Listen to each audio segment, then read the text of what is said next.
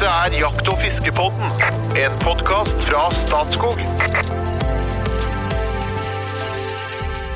Velkommen til Jakt- og fiskebåten, som i dag skal ta for seg beverjakt.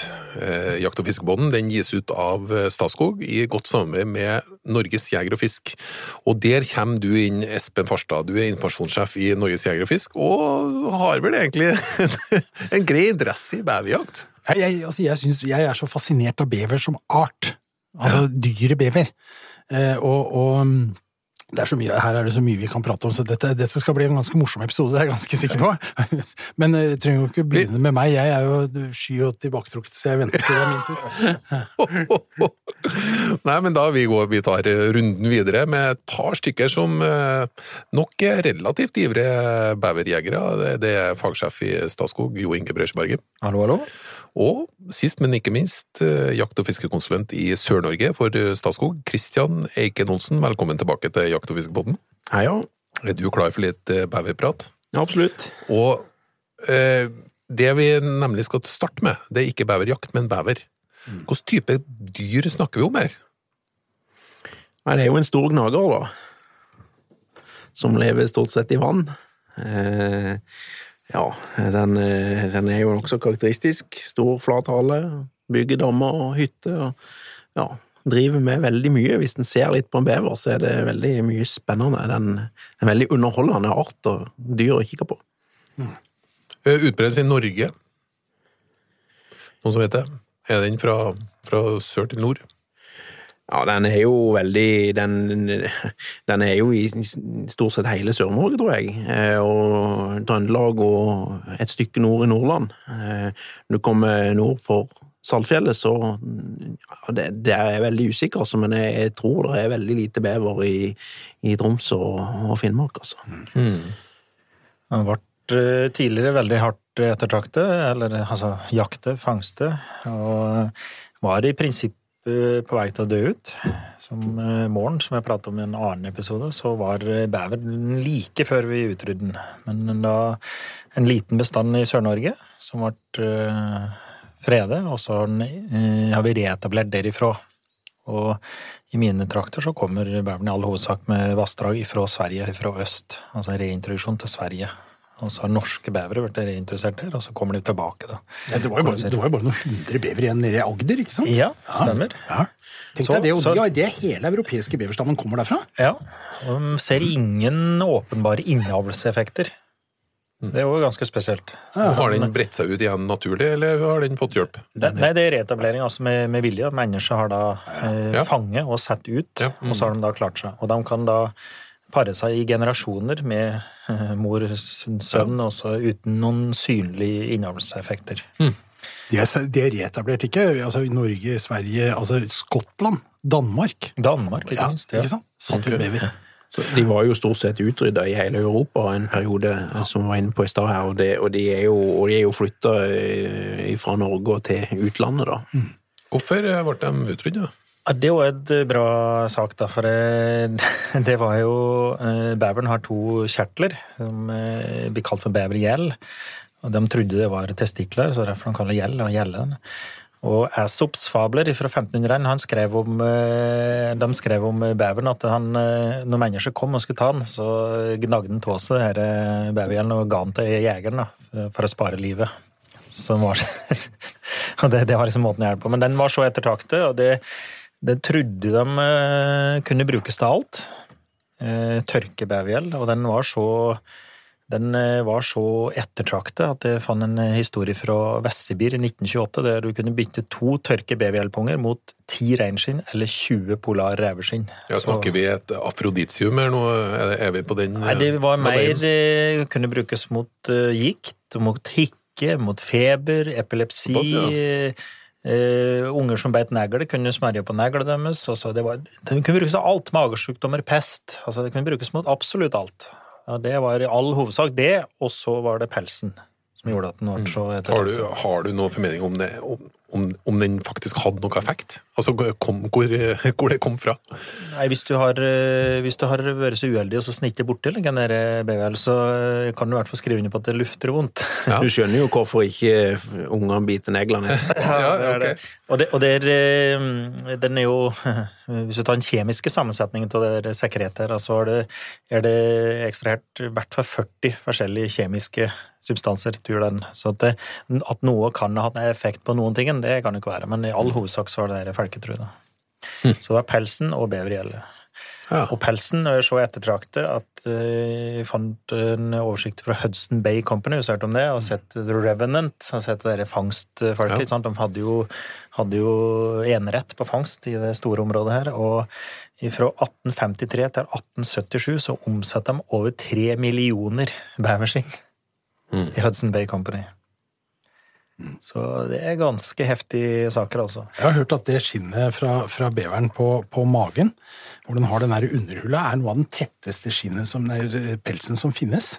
Ja. Over, eh, over 30 000 hår, tror jeg, per kvadratcentimeter. Nemlig. Per kvadrat Oi, oi. centimeter. Ja, det er estimert, sant? så det er jo litt vanskelig å sitte og telle det her, da, men type, jeg har sett det fra 23 til 30 000. Og, og det er på undersida, for den må jo da unngå å bli avkjølt. Og den er jo i vann i all hovedsak, en halvamfibisk dyr, og den er da, må ha mest og tettest pels på undersida. Det er jo vanlig at den ellers er tettest på ryggen. Jeg prata med en sånn fyr som drev med linjerydding under høyspentledninger nede i Aust-Agder på vinterstid, og de lagde såler av denne her pelsen, for det var ikke noe som var varmere i skoa enn dette her. Nei. Ja. Og, og apropos jeger og fisk, da, så, så fant jeg også en artikkel der eh, de bygde jernbanen i Åmli. Og da var det eh, den tidlige versjonen av Jeger og fisk, altså et lokallag, som da ville frede beveren i 1894. Jaha. Og så ble den freda først i 1899. Så det var Jeger og fisk på banen. Åmli er dine traktorer, ikke Kristian? Ja, det er jo i Hvis du tidligere ser litt stort på det. Ja, hvis du ser litt stort på det. Så. Ja, det er Agder. Ja. ja. Har du begynt å si Agder? Det har jo blitt Allerede? Agder nå, ja. Så eh, vi må jo eh, tilpasse oss. Ja. Nei, men beveren, eh, den, eh, det, er, kan, det er ikke et dyr jeg kan veldig mye om, men det jeg kjenner til, er jo at beveren lager demninger. Ja. Ikke minst veldig god til å lage demninger. Ja, eh, hvorfor gjør den det? Det gjør jo all hovedsak for å få demme opp så du får et større vannspill og kommer lettere til næringsplanter. Den heter jo all hovedsak starr, eh, gras, nøkkeroser, alle, og ikke minst lauv, lauvtrevirke, eh, asp, vier, selje, langs eh, land. Og da hvis eh, han, han er veldig god på å svømme og unngår fiender ved å være i vann. Og klart du får et større vannspeil da, hvis du Ja, opp. ja, ja. Mm. Og den er så god på det at eh, det ble avdekket en eh, beverdemning i, det var i Canada som er så stor at du kan se den på satellittbildet. Den ble oppdaget ved et satellittbilde, og den er 850 meter lang. Tenk på en beverdemning som er Ok. 850 meter lang. Og det er ganske heftige greier. Altså, sånn, Ingeniørkunst, Ingeniørkunst. Helt ekstremt god på å lage demninger og få de tette. Og lage hytter og få den tett. Og den er så vanskelig å rive opp, og selv en bjørn klarer ikke å rive opp ei beverhytte. Altså det er da type, heter det, ikke kinasjakk, men det er, ja, det er et flettverk av kvister med, med leire og, Og apropos bjørn. Mennesket antar jeg er en av eh, de viktigste predatorene, men eh, hva er andre predatorer? Det er jo ja, de som Det er jo stort sett ulv utenom mennesker og holdt på å si trafikk som er som blir påkjørt av en eller annen bever, og, og ulven er jo tidvis ganske slem med beveren. Og det Det, er jo men det er dokumentert at gaupe og bjørn nå kan klare å ta, ta bever. mm. i all hovedsak ulv. Og de, og de er klart, de, så lenge de holder seg i vann, så er de jo stort sett trygge. Men det er jo så fort de er på land, da er de jo særlig sårbare. Noen faktisk kan drukne. Men eh, altså, så ulykker, da, påkjørsler, skjer jo at de, de stenger at ei ei grøft, en vei, og så skal de over på andre sida. Og så blir påkjørt, og noen faktisk ser at de drukner, de blir oversvømt. Og så ser vi det i mine ulveområder, og ser at eh, det kan ulven faktisk gjøre en eh, betydelig innhegg i beverbestanden. Eh, Christian ankom jo studio med en eh, salta og røkt eh, beverskinke, som eh, var særdeles velsmakende. Men før man kommer dit, så har man eh, gått gjennom en jakt. Hvordan start med, hvordan starter man ei beverjakt? Ja, det er jo Bever kan jo enten jaktes med våpen, eller den kan jo fanges i felle. Eh, Jeg har prøvd litt begge deler, og har jo egentlig gått helt bort ifra fellefangst. Jeg syns det er skrekkelig gøy å jakte på de eh, med børse, da. Eh, og det er jo eh, Beveren er jo ganske grei, sånn du oppdager jo ganske fort om det er bever i et vann eller vassdrag. Eh, Det blir mye gnag og merker spor etter, etter beveren, og, du skiller ganske fort å se hva som er ferskt og ikke ferskt. Det er jo, Jakttida er jo for så vidt ganske lang, fra 1. oktober til 30. april, sånn i utgangspunktet. Så har kommunen anledning til å ha utvida beverjakt til 15. mai, inntil 14 dager forlengelse. Eh, Og det er jo, Beveren er jo i all hovedsak nattaktiv eller i grålysning og skumring og på natta. Og, det, den, hun er jo glad i varme dager, eh, så der sola varmer litt, og, og ikke særlig begeistra for dritvær. Det er litt rart når han lever et liv i vann, at han ikke er noe særlig begeistra for regnvær og sånn, og, men det er helt tydelig at når det regner og blåser, så er beveren mye mindre ute. Eller da er han mer ute i mens det er mørkt. Fine, varme vårkvelder eller, eller fine vårmorgener med, med litt solskinn og fint, så er det bra beverjaktvær. Da er det jo gjerne å oppsøke de plassene som du har mistanke om at han enten driver med arbeidet sitt, altså de områdene han driver og hogger og eter, eller i nærheten av Du ser gjerne at han har sånne gnageplasser der det blir liggende så veldig mye sånn avgnag og kvistrester og pinner som er typisk veldig karakteristisk lyse, for all barken er gnagd bort. Sånne plasser som det er jo veldig fine sånne posteringsplasser. Eller han kan smyge mellom sånne områder hvis den hvis den er den eh, rastløse. Eh, Er det familiegrupper vi snakker om? Ja, de bor jo Hovedsak familiegrupper, ja. Ja, de bor jo enten i hytte, sånne karakteristiske beverhytter, eller, eller de kan bo i jordhule i, liksom, i, inni en elvebredde, for eksempel. Og der er det jo som regel flere generasjoner. Det er normalt sett et voksen par, så de er jo monogame, så de holder jo sammen i årevis. En voksen hun og en han, og så har de gjerne eh, toåringer og ettåringer òg boende i samme, samme bolig, eller kolonien, som vi kaller det. da.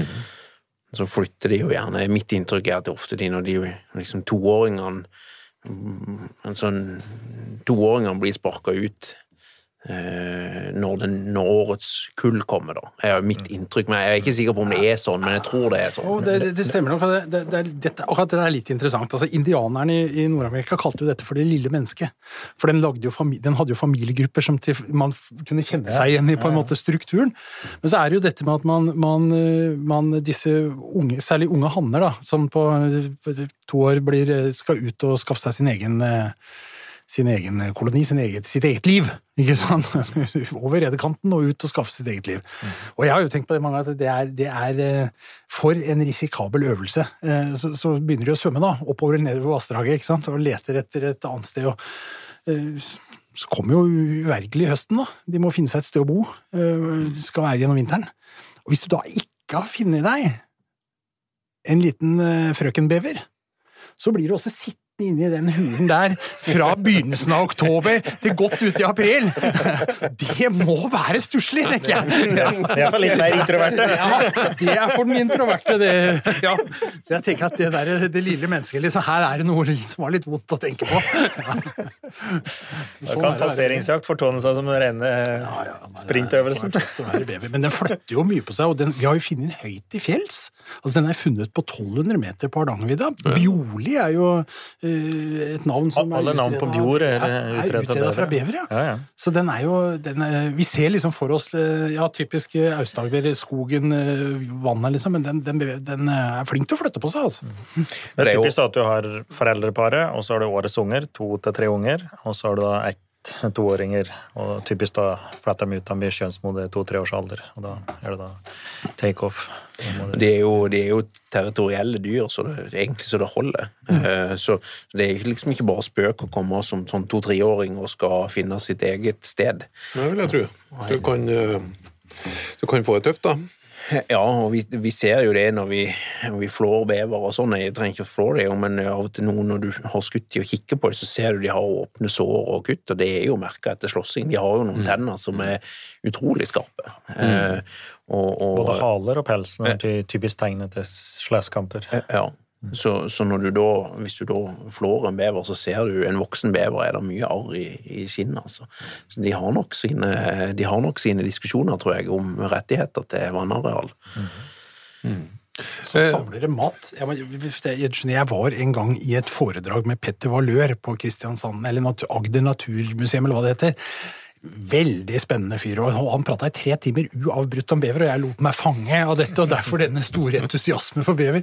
Han fortalte at de, de, de stikker altså stokker eh, med bark på og sånn, ned i gjørma utafor inngangen på, på beverhuset. Så når vinteren kommer og det legger seg is, så har de altså tilgang til et spiskammers ute i vannet, selv om det ligger is på vannet. Fascinerende. Og så fortalte han også at et ett år så hadde han registrert at eh, de stakk ikke Da holdt de ikke på med dette her seinhøstes. Og det året la det seg ikke is. Og så sier han mm, mm, men nå må vi ikke trekke raske slutninger, sier han liksom. For han var jo liksom vitenskapsmannen, ville ikke trekke noen konklusjoner ut av dette. Men det var en observasjon. Spennende, da. Det er spesielt. Ja. Og de er såpass suslige at de tar det der eh, De har da enten en jordhi eller eh, bygd seg en, et hus, og så har de da inngang under vann. De drar alltid ned under vann. Og så har de da eh, forrådet, lageret og kvist på utsiden der, og så trekker de det inn i et type et spiserom. da. Og så har de soverommet lenger inn, altså fødekammer og soverom lenger inn. Har de spiserom, så de er ganske kultiverte. Jeg liker før at de har navn og greier. Da. Men du ser jo ofte det på aktiviteten òg, den der perioden da i momentet når jakta starter, eller i oktober. Ofte så er det ganske mye futt i en beverkoloni da. De er veldig aktive og samler mat, og det skjer ganske mye da. Når vi andre er opptatt med å jakte elg, så, så er det ganske mye fart ofte. Da ser de til og med på dagtid. Ja. Det er jo veldig sjelden når jeg er på våren. Men eh, Men vi leter etter en, plass, en god jaktplass. Uh, og da kikker vi etter aktivitet. Men uh, ok, gå enda mer. For, for dette, du, du velger deg ut en post der, ikke sant? Ja, eller enten en, en post, eller som sagt ei løype du kan smyge med. For å begynne med en post, da, så er jo det å ha Det er jo eh, Beveren er jo Det ser jo ikke spesielt bra, da. Iallfall er det mitt inntrykk at eh, øynene bruker den ikke veldig mye. Men det er jo lukt som er hovedutfordringa. Det må Det er ikke veldig mye lukter som skal til, eller vind som skal til, før du er avslørt. Så du må ha kontroll på vinden, og så gjerne en post med litt overhøyde. Eh, både i forhold til utsikt og se noe, og i tillegg at du, at du skyter på skrå ned mot bakken. Ofte en stor fordel. Og, og eh, du, ja, du har litt sånn overhøyde. Da må du jo ha kontroll på de liksom, spiseplassene, eller der du på en måte ser for deg at her tror du beveren dukker fram, altså går på land. da. Vi ønsker jo ikke å skyte bever i vannet. Vi vil ha de opp på land. Eh, Hvis du skjøt den i vannet, da Nei, I i verste fall så synker han jo. den kan synke. Eh, og er det litt strøm, så driver han jo gjerne i strømmen, og det blir vanskelig å få tak i. Eh, og blinken er jo utrolig liten når han svømmer, så du, i praksis så er jo bare huet som er oppe, da, eller, og nakken litt av toppen av hodet, og, og nakken, da, så det er vanskelig å treffe. Eh, og da, når du da har funnet en, en god plass, så er det, så er det jo sitt og vent, da. Og da syns jo gjerne jeg at eh, ja, klokka sju, en sånn typisk Det er jo gjerne på mine kanter av landet som, der jeg jakter bever, så, så, så liksom, det er april måned som gjelder der. Eh, I mars, da er du skikkelig ivrig hvis du er ute i mars. Eh, de fleste beverne skyter jeg i april. Eh, og, de, eh, og da er de gjerne for Jeg bør være ute klokka sju og så fram til det blir mørkt. Så jeg er gjerne liksom Jo tett, hvis ikke det er vist bever til klokka er ni, så begynner jeg å bli skeptisk. Også det er jo, og man må bare, bare liksom, du vet ikke hvor, altså, Det å jakte i april er noe helt særegent. Altså, vi jakter jo vanligvis om høsten, ikke sant? Med, med alt det som hører høsten til. Så må du tenke, hva hører våren til? Jo, svarttrosten, for eksempel. Ikke minst. Den, den, den, den brøler i skogen rundt der, liksom, når du sitter der. Det er et fullt fugleliv. Det er en helt sånn Svaner, ender, gås. Helt annerledes annerledes jaktopplevelse enn det er å jakte om høsten. Ja, absolutt. Alt er på tur til å våkne. Det er som det er fullt kjør på ender og gås og svaner. Hvordan avstand eh, skjøt du på der, da? Nei, det, det varierer jo veldig, men, men bever, en bever er jo Altså, en bever er jo ikke nødvendigvis veldig stor, eh, og hvis du ser bogen eh, på en bever, så er jo den forsvinnende liten. Det, det som er, gjør størrelsen på en bever, er stort sett mage, da. Eh, så det er jo ikke en kjempediger blink. Så, så eh, det er jo som det meste annet av, av rifleskyting, at 100 meter er jo langt nok for de fleste, men det, det er jo en, hvis, i den grad det er posteringsjakt, så, så kan du jo rigge deg med, med anlegg på en sekk eller noe sånt, så du, du kan jo skape deg en grei skuddsituasjon, men, men blinken er ganske liten. Nå fordekte jeg spørsmålet om eh, det gikk an å bruke hagle. nemlig. Ja, det gjør det. Eh, det er lov, og eh, jeg har ikke brukt hagla veldig mye. Det er litt fordi at det, beveren er, til tross for størrelsen, så er han ganske hardskutt. Han er tett pels, som vi prater om, og han er ganske feit. Han jo, har jo fett under skinnet for, i forhold til kulde og sånn. Og, og den er som sagt, hvis han ikke dør på stedet, altså umiddelbart, så har han lett for å komme seg ut i vannet, og da blir han jo ofte borte, da. Eh, Så jeg syns ikke hagle er veldig, veldig Jeg vil heller skyte med rifle. Og med hvilken patron? Nei, det er Der syns jeg jo den kaliberdiskusjonen og kulediskusjonen har litt for seg, for beveren har jo åpenbart et veldig fint skinn. Eh, Og det er klart, der har du litt å hente på å velge rett kaliber og kule i forhold til ødeleggelse av skinn. Beverskinnet er ganske tynt, så, så er typisk en, en litt grov patron med ei kule som, som går i mange biter, da. Den ødelegger jo skinnet veldig. Så jeg jakter helst med en sånn type 223 eller en 6,5 ganger 55 eller mindre, og som er litt lette kuler. å lader jeg sjøl, så lader jeg med veldig lette kuler, så helst ikke for gjennomskyting. Vil helst at kula skal bli i Ja. kroppen og legge igjen energi i kroppen. Men uh, det er jo såpass tett, den der ulla og pelsen, at uh, når vi har skutt i baugen med vanlig elgrefle på slik rimelig greie så er det ikke uvanlig at kula blir igjen i kroppen. Du kan skutte gjennom en elg, gjennom en rein, og gjennom en hjort og gjennom et rådyr, mens på bever, selv om de ikke holder veldig langt, så er det ikke uvanlig at kula blir igjen i kroppen. Et, et, et spørsmål eh, Christian, til deg som har jakta mye bever. Eh, Vi snakker april. Eh, Det er jo ikke så mye annet vi jakter i april. Eh, Vi nærmer oss jo yngletidssesongen for de aller fleste, og det gjelder jo også bever. Eh, Og vi har en liten utfordring her. Vi skal jo være ærlige og si det. Hvordan, hvordan kan man unngå å skyte f.eks. en drektig bever?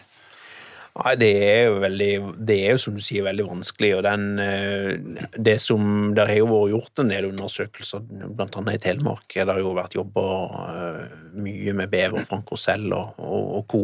har jo det. Eh, og det jobbes jo med det i, nå, i forhold til å undersøke eh, tidspunktet bevere er skutt, og, og i forhold til drektighet og sånn, hvor langt de er kommet nå. Og, eh, men tidligere, så, så jeg håper jo det kommer et bra svar på det. At det kommer på en måte noe konkret, det vil jo være i alles interesse. Men i, i forhold til hvilken bever du skyter, eh, så har det jo òg vært gjort veldig mange forsøk. Noen en periode så man var liksom tank, tanken at en bever som var nærme hytta, ikke sant? en voksen bever nærme hytta, var gjerne ei drektig ho. Derfor skyter vi ikke den. Men når det, dette har vært testa tilstrekkelig, så viser det at det er ikke noe sammenheng. Ok, Ikke den gamle at den første som kommer ut heller, er, er hoa som har behov for eh, mer næring og Nei, jeg, jeg, tror, jeg tror ikke Det det. er det så vidt det holder det, da. For at hoa er litt litt eh, mer Eksponerer seg litt mer, må har litt mer eh, energi og, og, og er litt mer eksponert. Men akkurat på den nærmeste hytta, det klarer de ikke å finne effekt av. Nei, og så er det veldig vanskelig å vite hvilken bever kom først ut, for det er ikke alltid du ser at beveren kommer ut. Eh, Men, men det beste måten å unngå å skyte en drektig bever på, det er å unngå å skyte de store. Ikke skutt kalv. Ja, alltid. Ta de små. Skyt små. Er det ikke noe med hvordan de svømmer i vannet òg? Hvor mye som syns av beveren i vannet? Jo, en bever som du kun ser huet på, liksom toppen av huet, er som regel en stor en. Og de som flyter som en kork, er som regel en liten en. Ok. Og ser du dem sammen, så vil du ofte klare å se greit forskjell på dem. Men en bever som sitter alene på land, den er ikke så veldig god å vurdere. Det har vi Har du, tatt, har du tatt feil? Ja, opptil flere ganger. Så det, det er vanskelig, altså. Eh, Men, men den sikreste måten å unngå å skyte en som er drektig, er jo å, å velge seg en liten en. Men post, postjakt var ikke det eneste. Nei, ofte så er det, ofte så er det har du flere valg. Det, det, kan, en beverkoloni kan jo, har jo flere bever, og de trenger, alle trenger ikke være aktive på samme stedet.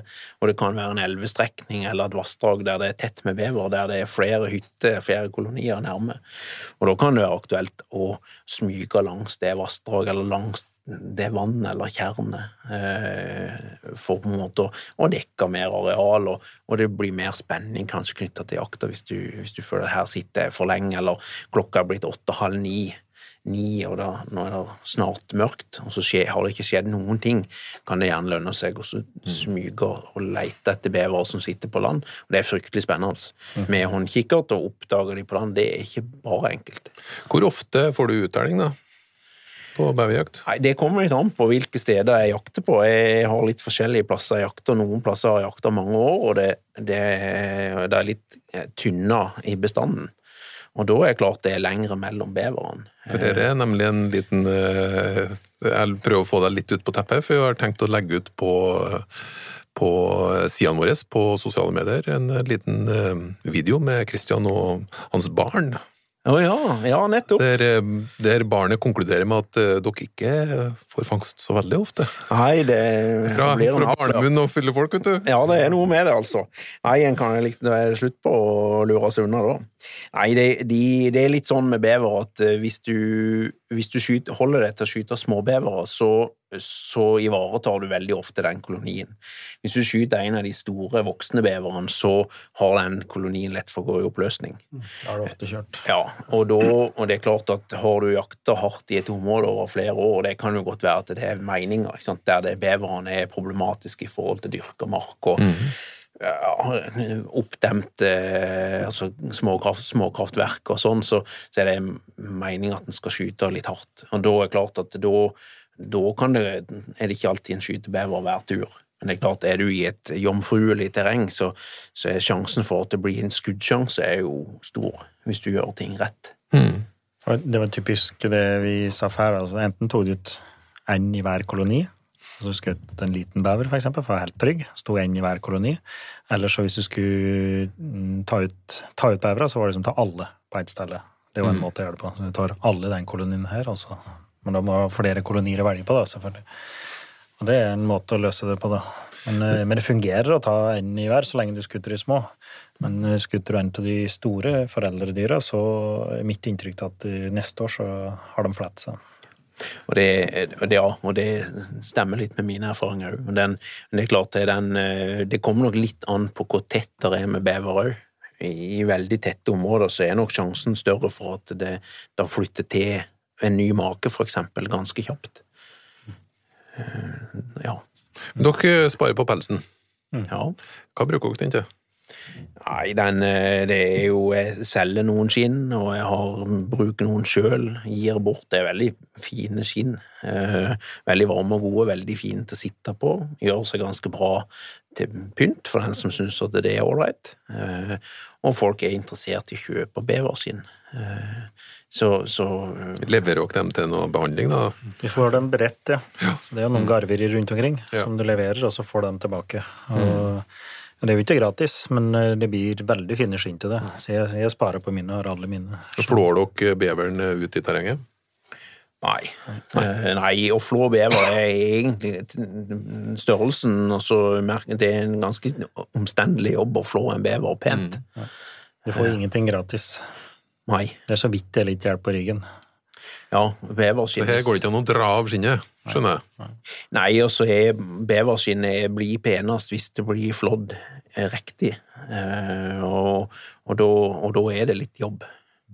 Det må være litt pirkete i, rundt hodet og rundt halen og rundt beina og, og sånn. Og, og så er beverskinnet i seg sjøl tynt, så det er veldig fort å kutte hull i et beverskinn hvis du er litt slarven.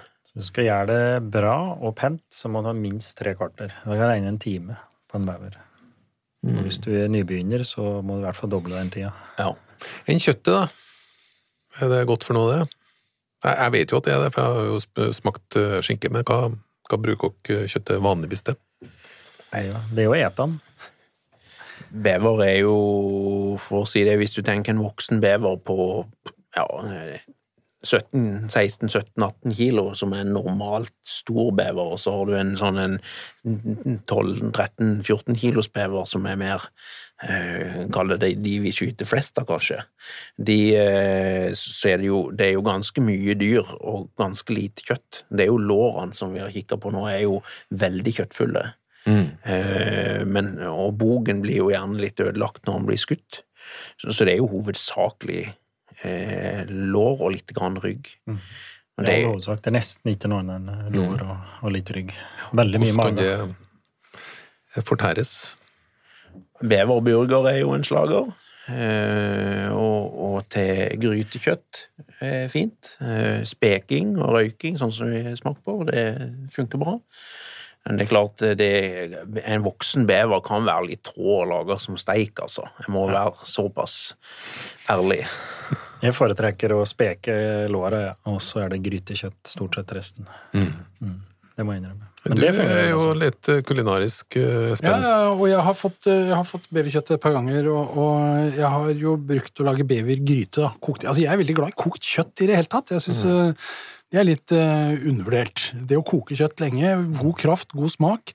Og det er ikke noe usmak på bever, bare for å ha sagt det. Det er jo et eh, mørkt eh, sant? Det er jo, her er det mye blod som går igjennom eh, dette pattedyret, som er jo et va- varmblodig byr som lever i vann, så det er mye sirkulasjon, liksom. Så det er et mørkt kjøtt, og litt sånn eh, ja, Ganske skal jeg si det er litt søtt? Ja, og, ja. Jeg, jeg syns dette er absolutt et eh, godt og spiselig kjøtt. Anbefales. Ja. For det er jo bare tull at folk ikke tar igjen bever. Altså. Det, er jo, det, det går ikke an. Når du først, hvis du først skal fange en eller skutte en bever, så må du ete den, mener jeg. Og den, eh, men det som jeg tror eh, noen er litt slavne med, det er jo at det sitter for mye fett igjen på skinker, for eksempel. Da.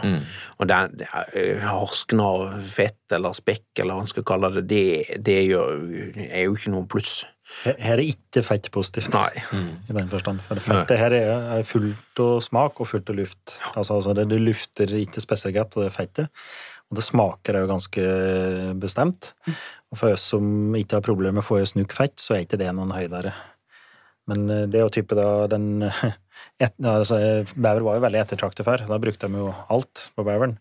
Og Helge Ingstad skriver om eh, indianere som er villige til å sølve kona si for å få beverhaler. Altså kokte beverhalesuppe. Det er ganske fett og ganske spesielt. Men eh, vi eh, på en måte i dag, i vår- velstandsverden, så er ikke det en nødvendighet lenger. da. For det er ganske spesiell smak på det fettet. Er det en utbredt jakt? Er det mange som jakter bever?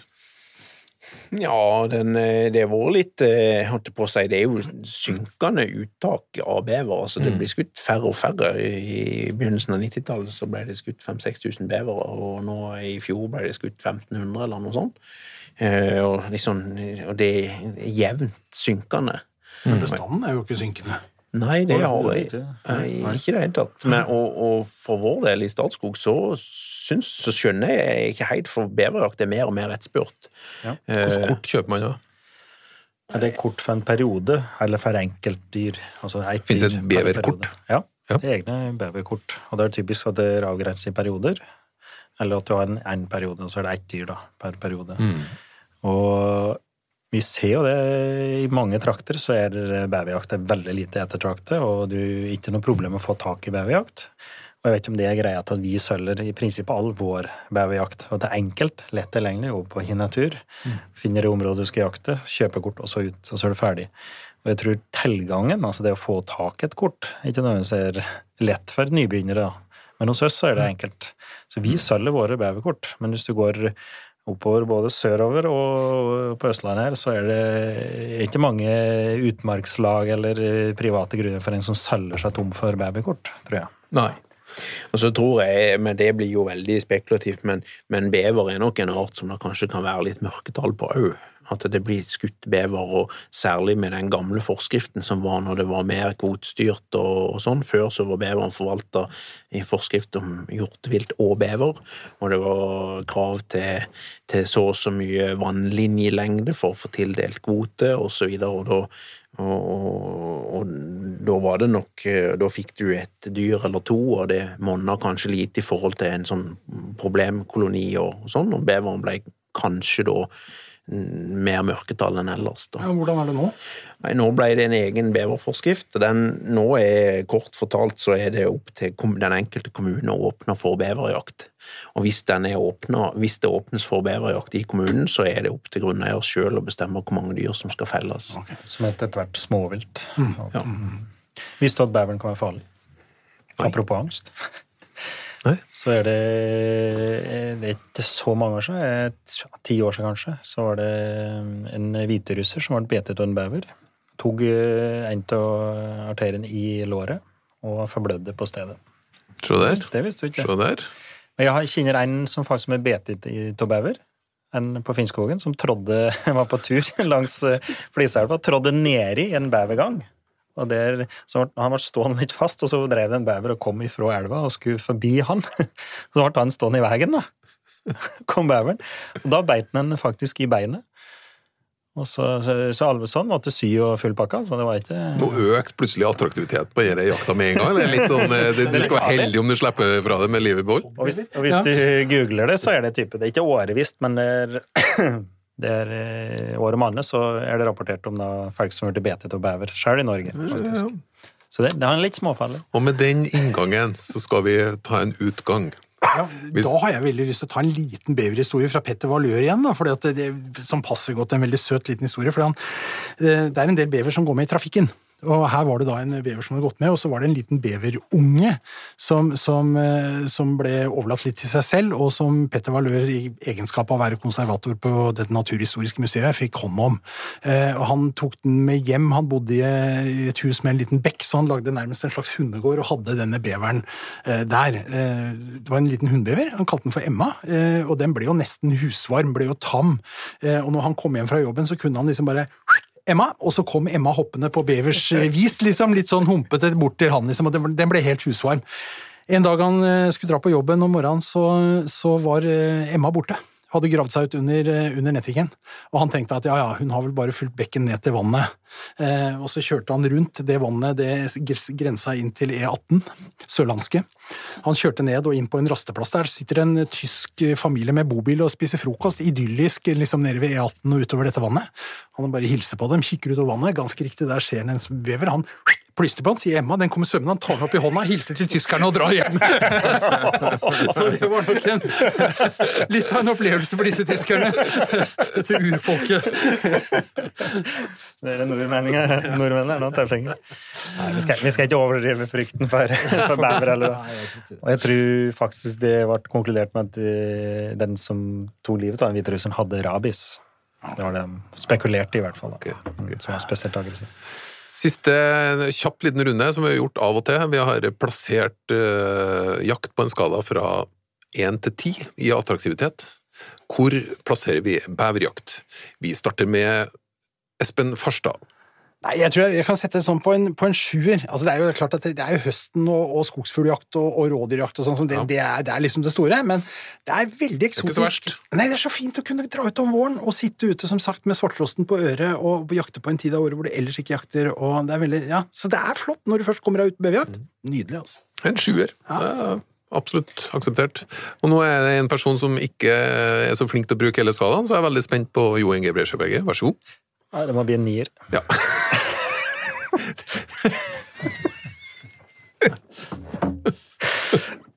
Du ler det, det er sant.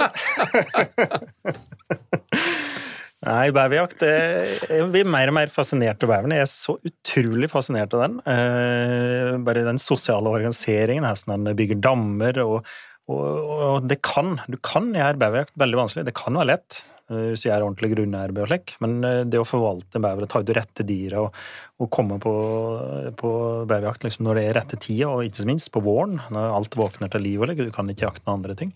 Så jeg blir bare mer og mer glad i beverjakt. Jeg er så fascinert av det. Så hos meg er det en nier. En nier, ja. ja.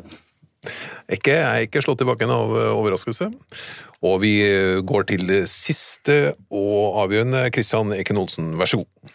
Jo, jeg tror jeg òg er på en nier. altså. Ikke overraska dere, Ganske eller, ja? sterk nier. Det er jo noe, Jeg er jo oppvokst med beverjakt, og noe av det første det var jo big game i min tidlig, litt for tidlig ungdom, tenker jeg. Så var jo Bever var jo stas, og det, det, det er lite som kan måle seg med den, de dagene på våren, altså. Det er fryktelig artig, og det som Inge sier, det er utrolig fascinerende å se en bever og sitte og kikke på bevere som driver på på sommeren òg, bare med fotoapparat eller videokamera. Bare se på hva de driver med, er fryktelig artig art, altså. Så eh, nei, det er en eh, god nier. Da ble det en sjuer, en nier og en nier, og jeg kan eh, kun gi en karakter på det jeg har prøvd, og det er beverskinka som en Kristian hadde med seg, og den skal få en, nier. Den var veldig god. Og med det så går Jakt- og fiskepodden inn for landing. Det ryktes at det er enkelte som ennå ikke har fått med seg Jakt- og fiskepodden. Kjenner du til noen sånne folk? Si for guds skyld fra til dem om at her går de virkelig glipp av noe. Hjertelig velkommen tilbake til nye episoder i Jakt- og fiskepodden.